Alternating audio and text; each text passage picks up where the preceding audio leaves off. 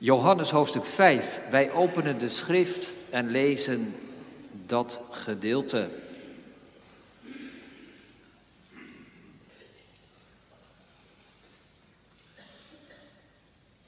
Het Bijbelboek Johannes valt globaal in tweeën te verdelen. Het eerste gedeelte, hoofdstuk 1 tot en met 12, wordt wel het boek van de tekenen genoemd, van de wonderen.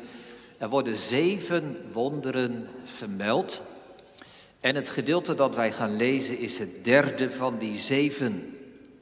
Tweede deel van dit Bijbelboek, hoofdstuk 13 en verder, gaat over het lijden en sterven en de opstanding van Christus.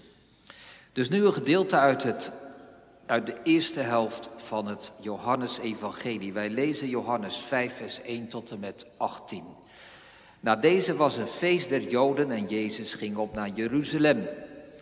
En er is te Jeruzalem aan de schaapspoort een badwater, het welk in het Hebreeuws toegenaamd wordt Bethesda, hebbende vijf zalen.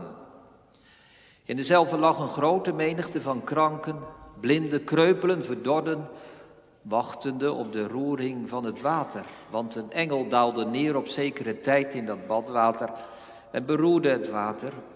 Die dan eerst daarin kwam, na de beroering van het water, die werd gezond van wat ziekte hij ook bevangen was. En al daar was een zeker mens die 38 jaren krank gelegen had. Jezus, ziende deze liggen en wetende dat hij nu lange tijd gelegen had, zei tot hem, wilt gij gezond worden? De kranke antwoordde hem, Heere, ik heb niet een mens om mij te werpen in het badwater wanneer het water beroerd wordt. En terwijl ik kom, zo daalt een ander voor mij neder. Jezus zei tot hem, sta op, neem uw beddeken op en wandel. En terstond werd de mens gezond en nam zijn beddeken op en wandelde. En het was Sabbat op dezelfde dag. De Joden zeiden dan tot degene die genezen was, het is Sabbat, het is u niet geoorloofd het beddeke te dragen. Hij antwoordde hun, die mij gezond gemaakt heeft, die heeft mij gezegd, neem uw beddeke op en wandel. Ze vraagden hem dan, wie is de mens die u gezegd heeft, neem uw beddeke op en wandel? En die gezond gemaakt was, wist niet wie hij was. Want Jezus was ontweken, alzo er een grote schade in die plaats was. Daarna vond hem Jezus in de tempel en zei tot hem, zie, Ge zijt gezond geworden, zondig niet meer, opdat u niet wat ergers geschiedde. De mens ging heen en boodschapte aan de Joden dat het Jezus was die hem gezond gemaakt had. En daarom vervolgden de Joden Jezus en zochten hem te doden, omdat hij deze dingen op de Sabbat deed. Jezus antwoordde hun, mijn vader werkt tot nu toe en ik werk ook. Daarom zochten dan de Joden te meer hem te doden, omdat hij niet alleen de Sabbat brak, maar ook zei dat God zijn eigen vader was. Zichzelf goden even gelijk makende. Tot zover de lezing uit de schrift. De tekst voor de preek is het zesde vers. Johannes 5, vers 6, Jezus ziende deze liggen en wetende dat hij nu lange tijd gelegen had, zei tot hem, wilt gij gezond worden? Laten wij boven de preek als thema schrijven, wat verwachten wij van Jezus? Wat verwachten wij van Jezus? Laten we in drie gedachten hierbij stilstaan. In de eerste plaats te vergeefs gewacht. Dat zal duidelijk zijn als deze man 38 jaar in, dit, in deze zaal wacht en nog steeds ziek is, te vergeefs gewacht. Ten tweede, rechtstreeks bevraagd, wilt u gezond worden? vraagt Jezus aan hem. Rechtstreeks bevraagd. En ten derde, de vraag niet beantwoord. De man geeft wel een reactie, maar het is geen antwoord, geen echt antwoord op de vraag van de zaligmaker. Wat verwachten wij van Jezus als thema? Ten eerste, te vergeefs gewacht, rechtstreeks bevraagd. Ten tweede, en ten derde, de vraag niet beantwoord. Gemeente, onze eerste gedachte, te vergeefs gewacht. De man die wij in dit gedeelte ontmoeten, is bekend geworden, je zou bijna zeggen beroemd geworden, als het niet zo treurig was, om een paar woorden. Ik heb geen mens. Ik heb niemand. Wat een woorden. Wat een eenzaamheid. Heer, ik heb geen mens. Is er dan niemand die naar deze man omziet? Is hij werkelijk zo alleen? Vermoedelijk heeft u vroeger wel mensen gehad die hem hielpen, die hem daarheen brachten. Het eerste jaar dat hij ziek was, wellicht verlamd. Het eerste jaar, het tweede jaar waren er wel vrienden, waren er familieleden die zeiden: Wij zijn er voor jou. Maar ook dat is al zo lang geleden. Nu niet meer. Vroeger had hij wellicht nog medezieken. Ze kenden elkaar omdat ze elke morgen, elke dag hier in Bethesda waren. Maar die zieken zijn beter geworden, genezen. En uiteraard uit de vijf zalen vertrokken, welgezond geworden.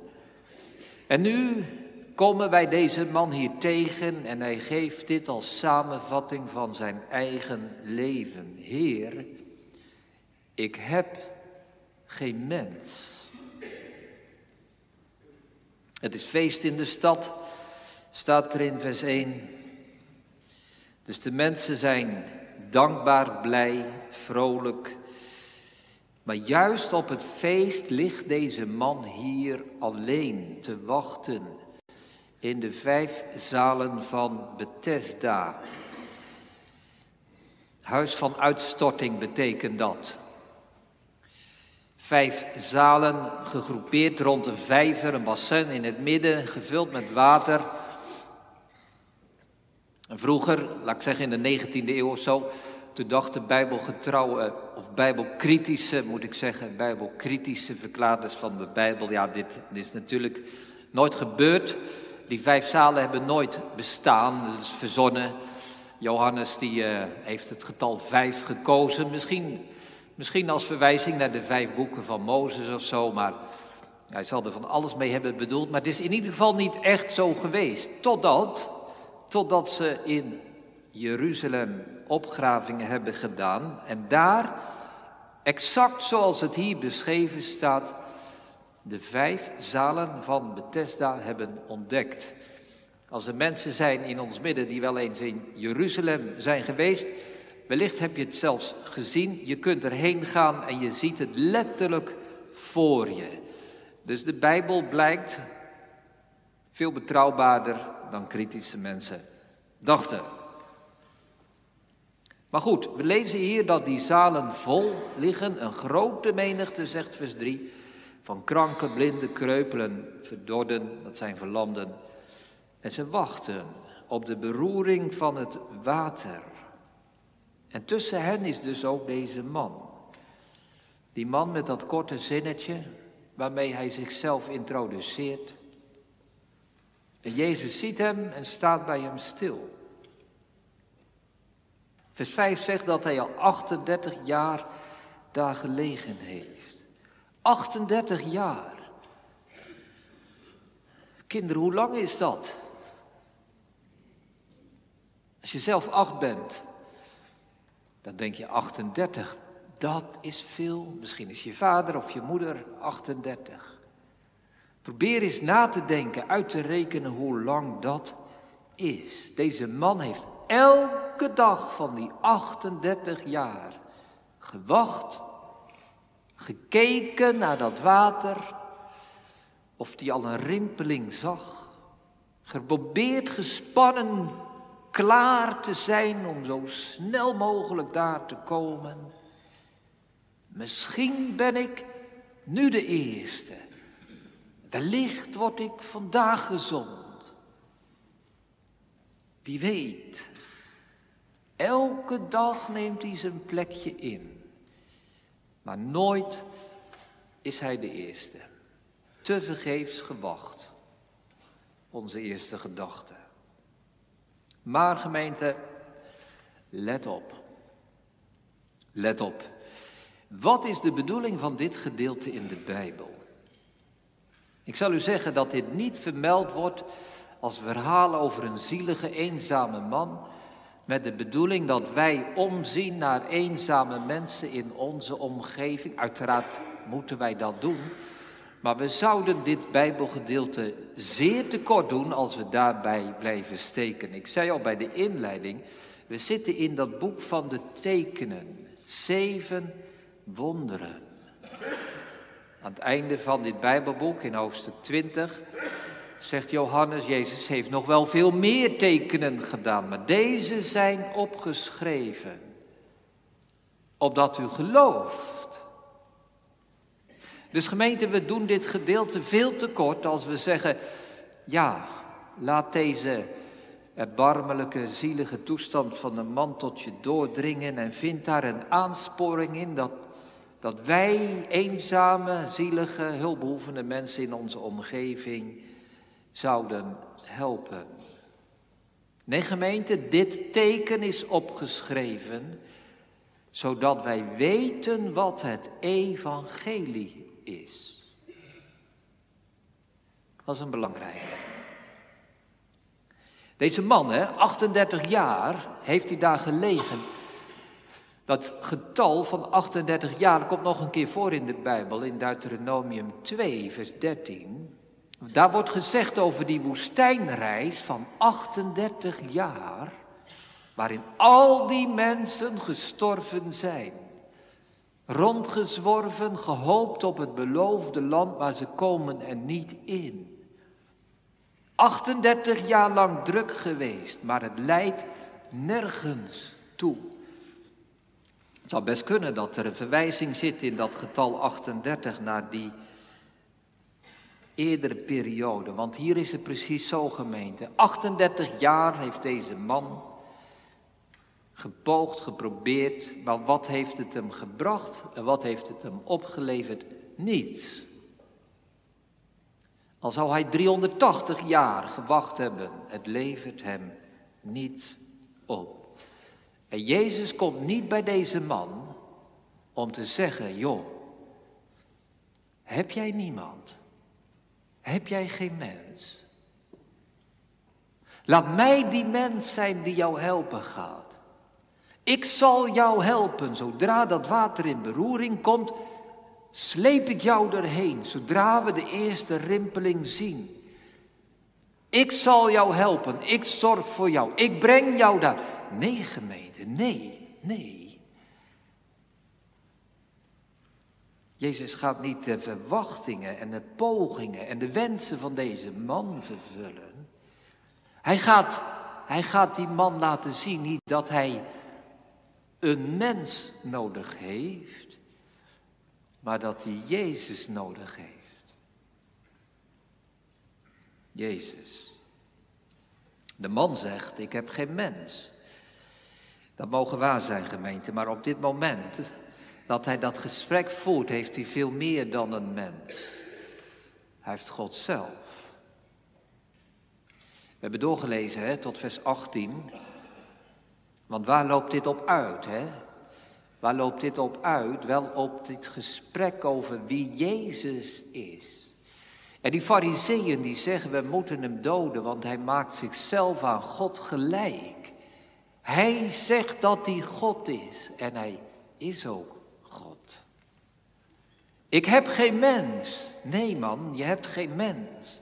Maar je hebt God zelf naast je staan, die je aankijkt en die jou een vraag stelt. Als we dat hebben, gemeente, als wij Jezus hebben, hebben we ook geen mens meer nodig. Wat zal een nietig mens mij doen? Zo God voor ons is, waarom zouden we nog een mens nodig hebben? En als we dit zien, dan komen we de echte betekenis van dit wonder op het spoor. Het evangelie. Het evangelie is niet de boodschap dat God onze inspanningen gaat zegenen. Als wij maar lang genoeg ons best doen, dan uiteindelijk dan geeft de Heer Jezus ons het laatste, laatste zetje. Dan helpt hij ons in dat stukje dat wij niet kunnen. Als wij maar bidden, zoeken, lezen, naar de kerk gaan vragen, dan komt uiteindelijk, al zou het moeten wachten, 38 jaar lang, maar dan komt hopelijk dat wonder van wedergeboorte en van geloof en redding. Nee, nee gemeente, het is heel anders. De boodschap van vanmorgen is niet vraag er maar veel om. Blijf vooral maar zoeken. Ga maar door met je inspanningen. Wie weet komt het nog. Geef niet op, ga door. Nog een jaar en nog een jaar. Nee. Als we die lijn nu geestelijk doortrekken hè, van deze man. Misschien zijn er hier mensen die zo in de kerk zitten. Of misschien ging je vroeger zo naar de kerk, 37 jaar geleden. Of zeven jaar, of vul maar in. Zou het nu gebeuren? Zou nu de rimpeling in het water zichtbaar zijn? Zou ik nu diegene mogen zijn? Ik ga naar de kerk. Ik, ik, ik hoop dat het nu de dag is. Misschien kijk je terug op je leven en zeg je: Ik was er soms bijna, bijna. Maar toch niet. Misschien voel je net als deze mannen en is die hoop en die verwachting langzaam weggezakt. En is dat ideaal van redding en zaligheid steeds onbereikbaarder geworden. Je bidt al zo lang, je wacht al zo lang. Ja, je bent trouw op je post, u bent er weer vandaag. Maar wat verwachten wij? Gemeente, dit is de boodschap van vanmorgen. Nu moeten we de andere kant op kijken. Niet meer naar het water, niet meer naar de rimpeling, niet meer naar de engel, het wonder. Maar richt je blik omhoog die, naar, die, naar die man. Naar God zelf die naast ons staat. Als je denkt, ik heb mensen gehad die mij wilden helpen, dominees, ambtsdragers, anderen die het beste met mij voor hadden. Maar uiteindelijk ben ik alleen. Ja, je hebt geen mens. Maar je hebt Jezus. God zelf. Hij staat naast ons. Nu. Vandaag. Niemand minder dan God zelf stelt ons een vraag. Wilt u gezond worden? Onze tweede gedachte, rechtstreeks bevraagd. Jezus kijkt die man aan en hij weet dat hij al 38 jaar hier ligt. En hij stelt hem een vraag. Wilt u gezond worden? Kinderen, wat een gekke vraag, hè? Ja, natuurlijk wil die man gezond worden. Natuurlijk. 38 jaar van zijn leven. Allemaal gericht op dat ene. Gezond worden. Bevrijd van die verlamming. Bevrijd van de ziek. Gezond worden. Natuurlijk wil hij dat. Toch stelt Jezus deze vraag. Wilt u gezond worden? Maar lees eens goed. Wat zegt die man? Vers 7. De kranke antwoordde hem, Heere, ik heb niet een mens om mij te werpen in het badwater wanneer het water beroerd wordt. En terwijl ik kom, zo daalt een ander voor mij neer. Ja, als je die woorden op zichzelf beziet en tot je door laat dringen, hè. Ik heb het al een paar keer gezegd, dan krijg je het indruk van een, van een uitermate beklagenswaardige man. Maar gemeente, als we die woorden nu eens lezen in verband met de vraag van Jezus, dan krijgen we toch een ander beeld. Dit is de verkeerde reactie. Wil je gezond worden, vraagt Jezus. Wil je gezond worden? En die man die zegt, ik heb geen mens. Ja, maar, maar dat is geen antwoord. Wil je gezond worden? Zeg het maar. Is het ja of is het nee? Maar die man zegt geen ja en hij zegt geen nee. Hij zegt: Ik heb geen mens. Wist hij het antwoord niet? Ik denk, gemeente, dat hij de vraag ontwijkt. Ontwijkt. Waarom? Het lijkt erop dat hij zich met zijn situatie heeft verzoend. Hij ligt hier nog wel, maar de hoop is vervlogen. Het is nu eenmaal zijn leven geworden. Dit leven kent hij. Psychologen noemen dat ziektewinst. Wat is ziektewinst? Ja, ziek zijn is niet fijn, is niet leuk, maar toch gemeente kan het zijn dat iemand ziek is en gek genoeg zoveel voordelen van zijn ziekte heeft dat hij liever ziek is dan gezond. Misschien krijg je een uitkering, misschien krijg je aandacht. Misschien is het bekend en lekker overzichtelijk geworden. Ziektewinst. Nou, deze man die, die leidt aan ziektewinst. Dit is hem vertrouwd. Hij zou niet weten hoe hij moet leven als hij nu opstaat en de stad ingaat. Het is feest, het is druk, zoveel mensen om hem heen, hij is het niet gewend. Wil hij gezond worden? Dat vindt hij een moeilijke vraag. Misschien lijkt hij wel op bepaalde kerkgangers. Misschien lijkt deze man wel op u. Misschien lijkt hij op jou. Wil je gered worden? Je gaat al 38 jaar, bij wijze van spreken, naar de kerk. Je blijft gaan. Je hebt er niet aan gedacht om thuis te blijven vanmorgen. Maar wilt u gered worden? Wilt u zalig worden? Gemeente, gelooft u werkelijk in zaligheid en redding voor jezelf? Geloof je in de zekerheid en de innerlijke overtuiging dat je gered bent en dat je de hemel voor je hebt? En dat je kind van God bent en gedragen wordt door de eeuwige liefde van God. Geloof je dat? Dat je met God verzoend kan zijn en het kan weten? Of heb je je met je lot verzoend en denk je, laat ik mij intussen maar voorzichtig voorbereiden op de dood, de eeuwige dood. Kijk gemeente, dan wordt de vraag van de Heer Jezus wel heel direct. Hè? Geen gekke vraag, maar wel een eerlijke, indringende, radicale vraag. Wilt u behouden worden? Wilt u, wil jij zalig worden? Kleine kinderen zeggen natuurlijk ja, ja. Maar we zijn natuurlijk wel bang geworden voor de kinderlijke eenvoud. Wij zijn wijzer geworden, toch? Je zegt niet zomaar ja op deze vraag. Dat kinderlijke geloof moeten we maar zo gauw mogelijk afleren.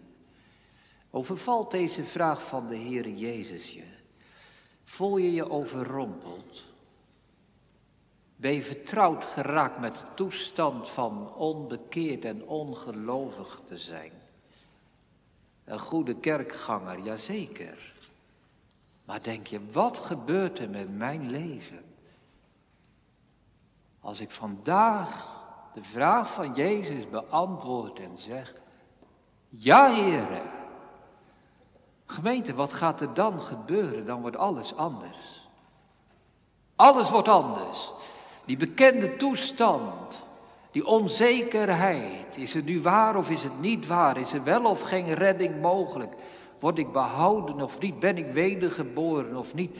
Alles gaat veranderen en het bekende leven, het vertrouwde zoeken, bidden, vragen, twijfelen. Houd op. En maak plaats voor een leven van vrijmoedigheid en zekerheid en vreugde en blijdschap. Een totaal nieuw en onbekend leven. Van geloven en zekerheid. En daarom gemeente, als deze vraag van de Heer Jezus klinkt, hè, aan u, aan jou, wil je gered worden, wil je gezond worden, wil je behouden worden, vraag je eens af of uw, jouw antwoord wel echt een antwoord op die vraag is.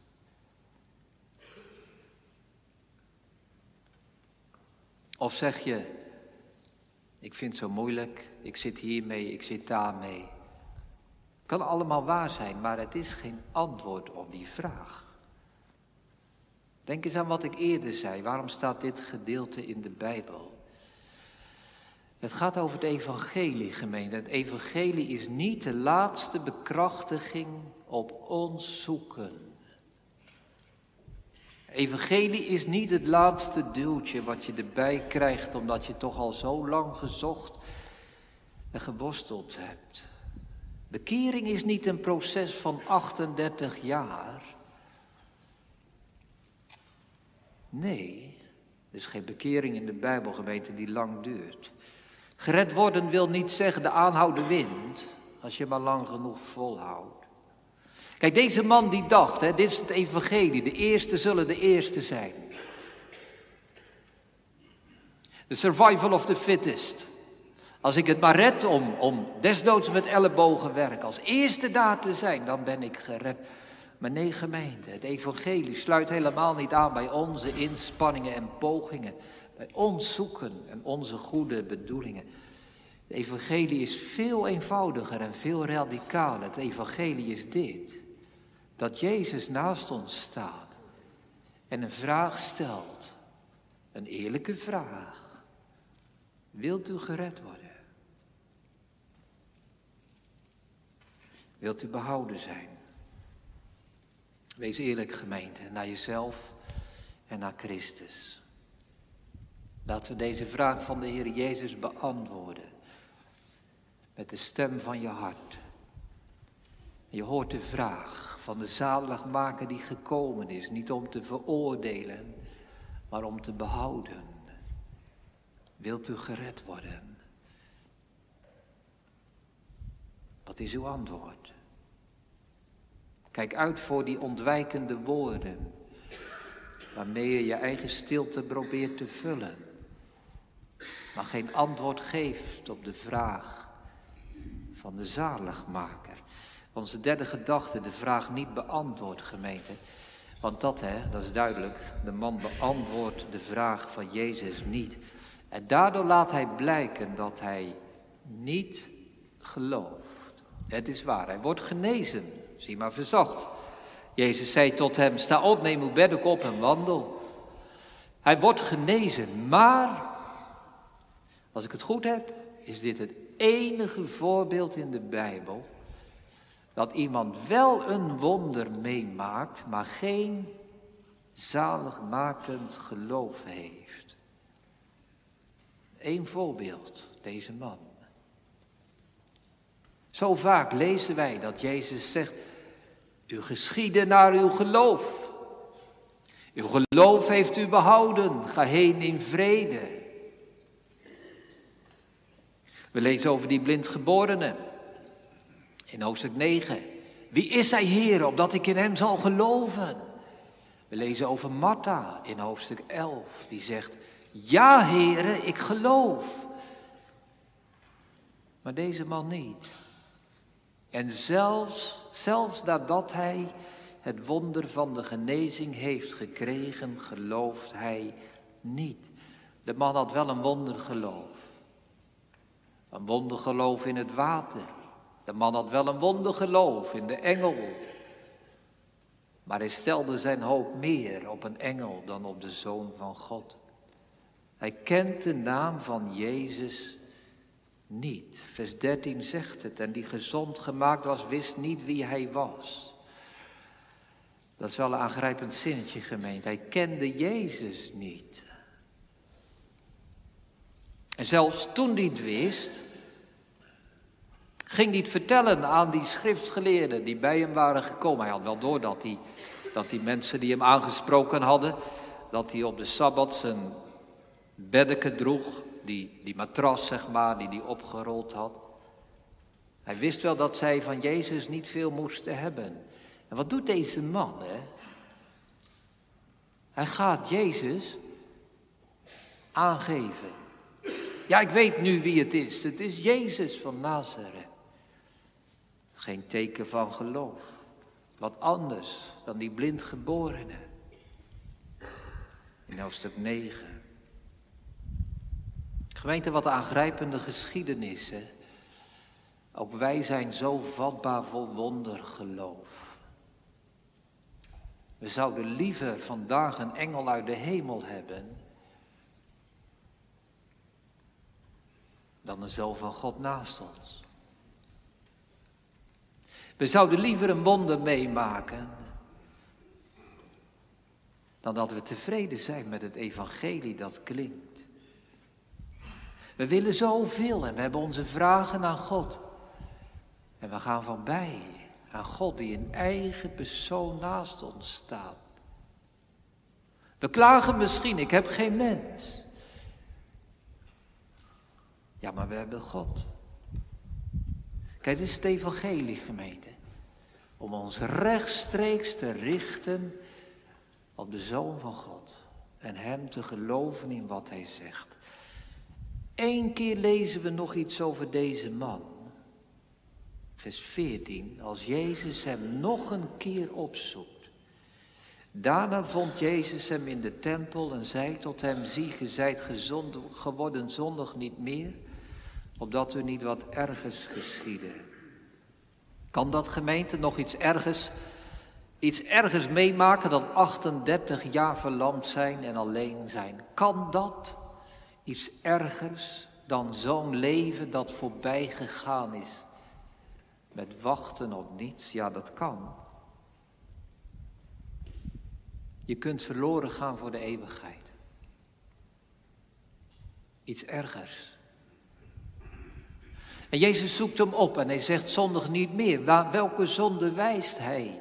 Ik geloof niet gemeente dat Jezus teruggrijpt op een zonde heel lang geleden.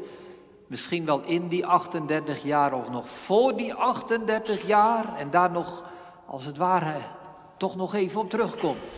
Nee, nee, nee. Jezus zegt zondig niet meer. Namelijk de zonde van ongeloof. De zonde van ongeloof. Wat een bewogenheid en een liefde van de zaligmaker dat hij deze man nog een keer opzoekt.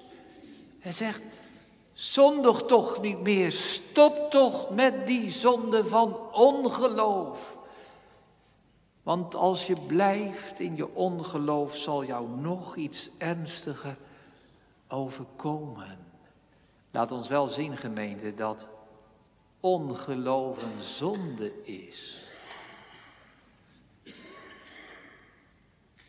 En dat dat ontwijkende antwoord van deze man, waar wij van zeggen, ja, hè, dat snappen we wel, hij was natuurlijk wat overrompeld en overvallen door die vraag, had het niet verwacht na 38 jaar, dus hij zoekt een beetje naar woorden en hij zegt, hij zegt dan maar, ik heb geen mens. Nee, nee, nee, nee. Psychologisch kun je dat allemaal verklaren, gemeente, maar geestelijk is het ronduit ongeloof en zonde. En Jezus zoekt hem op en zegt: zondig niet meer. Kom alsnog, alsnog tot geloof in de Zoon van God. En zo gaan gemeente zien wij, hè? er zijn in de Bijbel zoveel personen die ons prachtige voorbeelden geven van het leven van het geloof. Er zijn zoveel wonderen door Jezus gedaan die ons laten zien wat geloof inhoudt. Maar hier zien we wat ongeloof is. Als je wil weten wat geloof is, kijk naar Martha. Ja, heren, ik geloof. En kijk naar Thomas, mijn heren en mijn God. En kijk naar Petrus. Tot wie zullen wij anders heen gaan? Gij hebt de woorden van het eeuwige leven. En wij hebben geloofd en bekend dat u bent de Christus. Maar hier gemeente, één voorbeeld van ongeloof. Hij wordt niet in de Bijbel genoemd als de eenzame zielige man die behoefte heeft aan wat gezelschap. Maar hij wordt ons getekend als de man die liever zijn eigen leventje leidde dan de zaligmaker te geloven. Kijk, dat noemen we de doodstaat van de mensen. Gemeente, de doodstaat van de mens is niet dat die man niet bij het water kon komen. Hè? De doodstaat van die mens is niet dat hij helaas te weinig krachten had om als eerste te zijn. De doodstaat van de mens is dat hij de zaligmaker niet gelooft en verder gaat in zijn leventje. De doodstaat van de mens is dat wij liever een leven hebben dat ons vertrouwd voorkomt dan de zaligheid van Jezus. Kerkgangers van Putten, zondig niet meer. Het is, niet het is niet de eerste keer dat u het evangelie hier mag horen. Het is hier vaak verkondigd. U hebt het gehoord. En nog een keer komt Christus om te zeggen, om ons op te zoeken, om ons te vinden en te zeggen, zondig niet meer, opdat u niet wat ergens overkomen, opdat u niet voor eeuwig verloren gaat. Stop met dat ongeloof dat je hele leven heeft gekenmerkt. Beantwoord die vraag van Jezus alsnog. Wilt u gezond worden? Wilt u behouden zijn? Laat Hem, de Zoon van God, de zaligmaker zijn. En daar is niets anders voor nodig dan met mond en met hart antwoord te geven op zijn vraag. Wilt u gezond worden? Amen.